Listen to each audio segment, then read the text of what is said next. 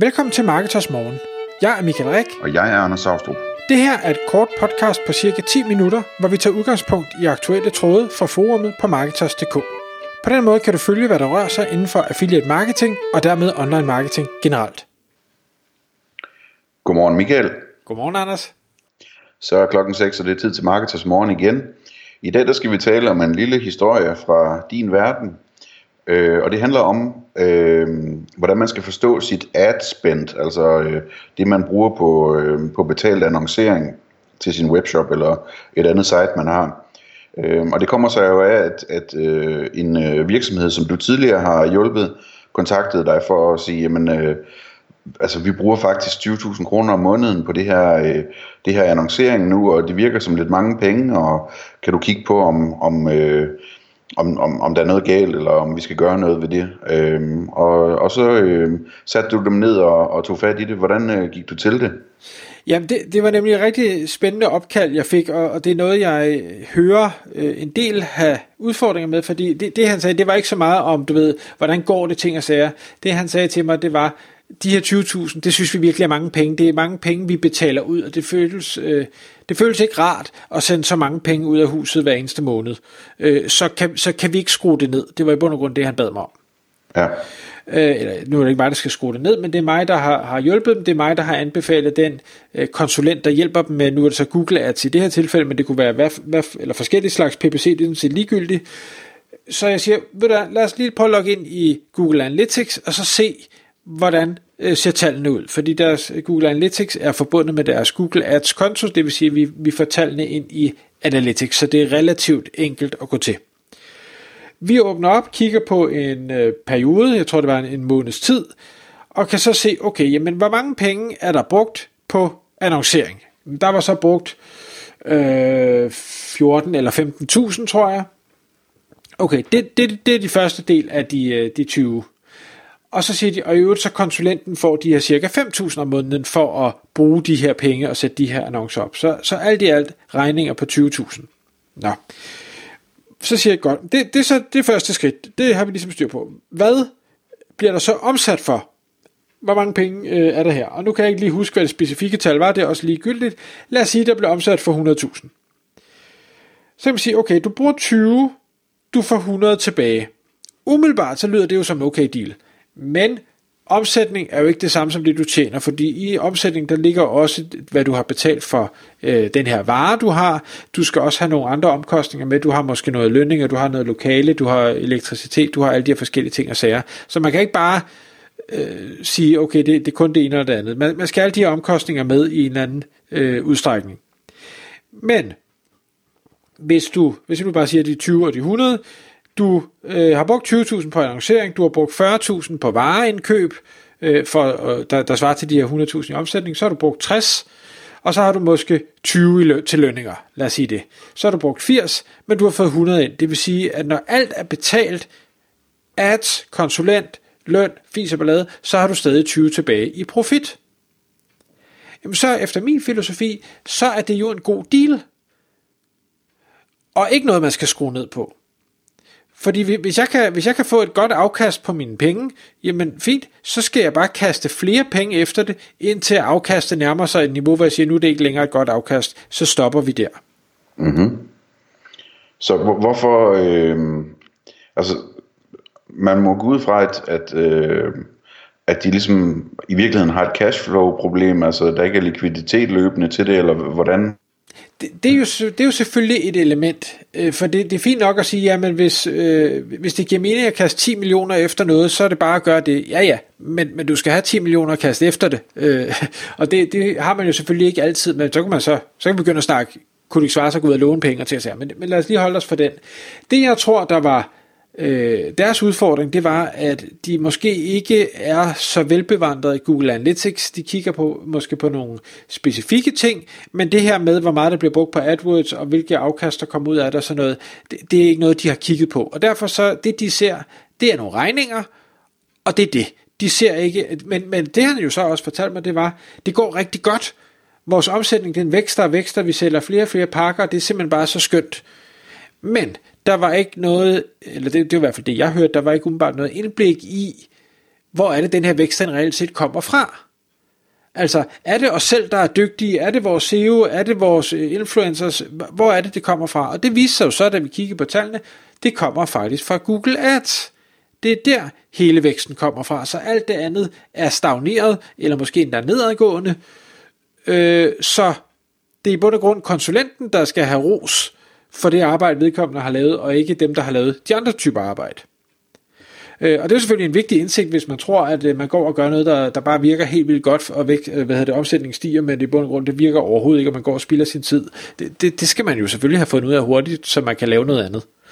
Præcis. Øhm, så det, det, jeg sagde til ham, det var, jeg kan godt forstå det at få en regning på 20.000 på en måned, det, det er da ikke rart. Jeg kan heller ikke lide at få regninger, men hvis dit alternativ er at fjerne regningen på 20.000, fyre konsulenten, lad være at sende nogle penge til Google, så kan jeg så se i dine tal, at din omsætning den vil falde med 70%.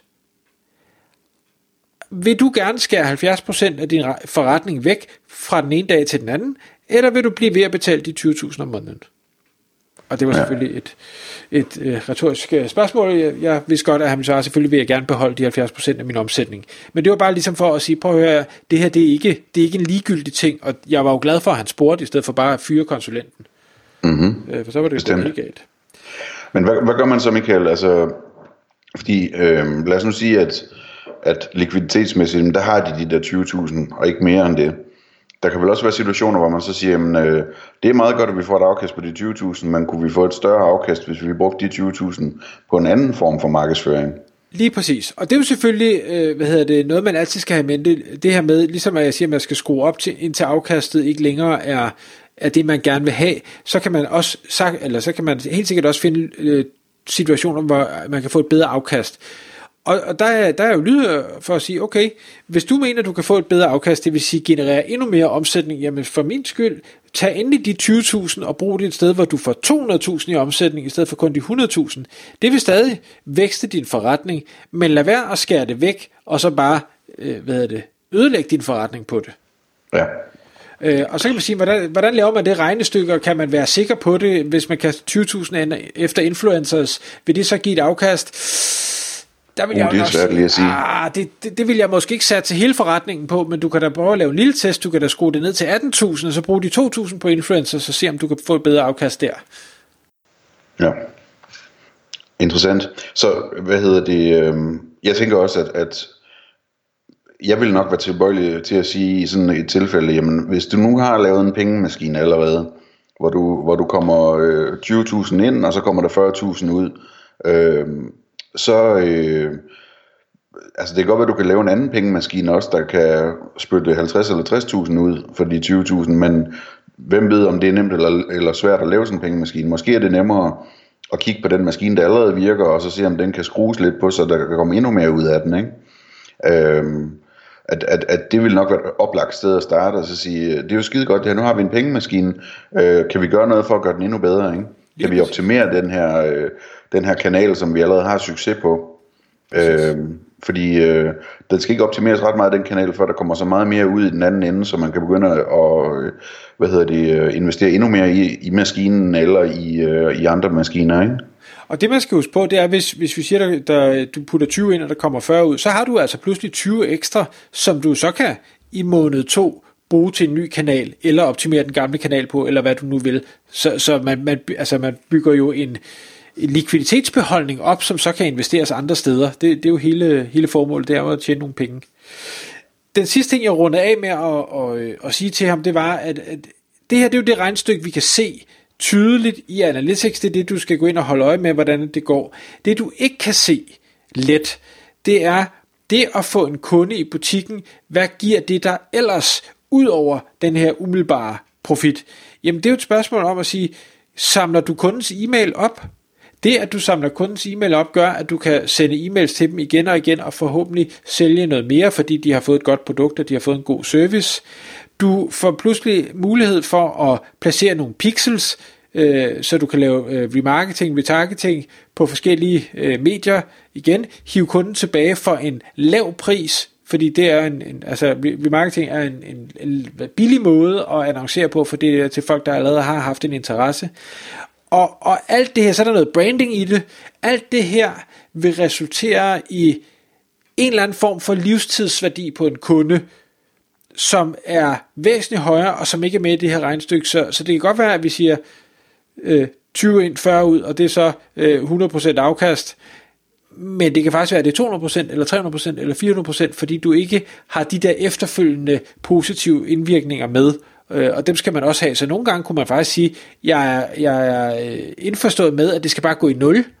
Det kan endda være, at jeg er indforstået med, at det må godt gå i minus. Altså jeg, får, jeg bruger, smider 20 ind, men får kun 18 tilbage, fordi jeg ved, at jeg henter pengene ind efterfølgende. Det er stadig en god forretning for mig. Og det skal man også have med, og den er rigtig svær at regne på.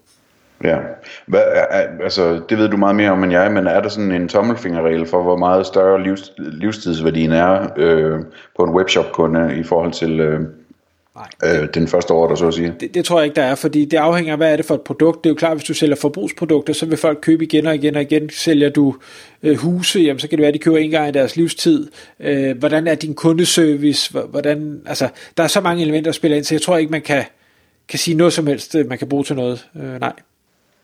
Jeg kan slutte med en lille anekdote. Jeg talte med en øh, annoncør, en affiliate-annoncør i går, som øh, var villig til at give, altså det var en webshop, som var villig til at give 100% af, af salget i provision til, øh, til affiliates, udvalgte affiliates, fordi de havde regnet ud, hvor, hvor meget livstidværdien var. Og det var altså en webshop, der bare solgte ting, ikke? Tak fordi du lyttede med. Vi vil elske at få et ærligt review på iTunes, og hvis du skriver dig op til vores nyhedsbrev på marketers.dk-morgen, får du besked om nye udsendelser i din indbakke.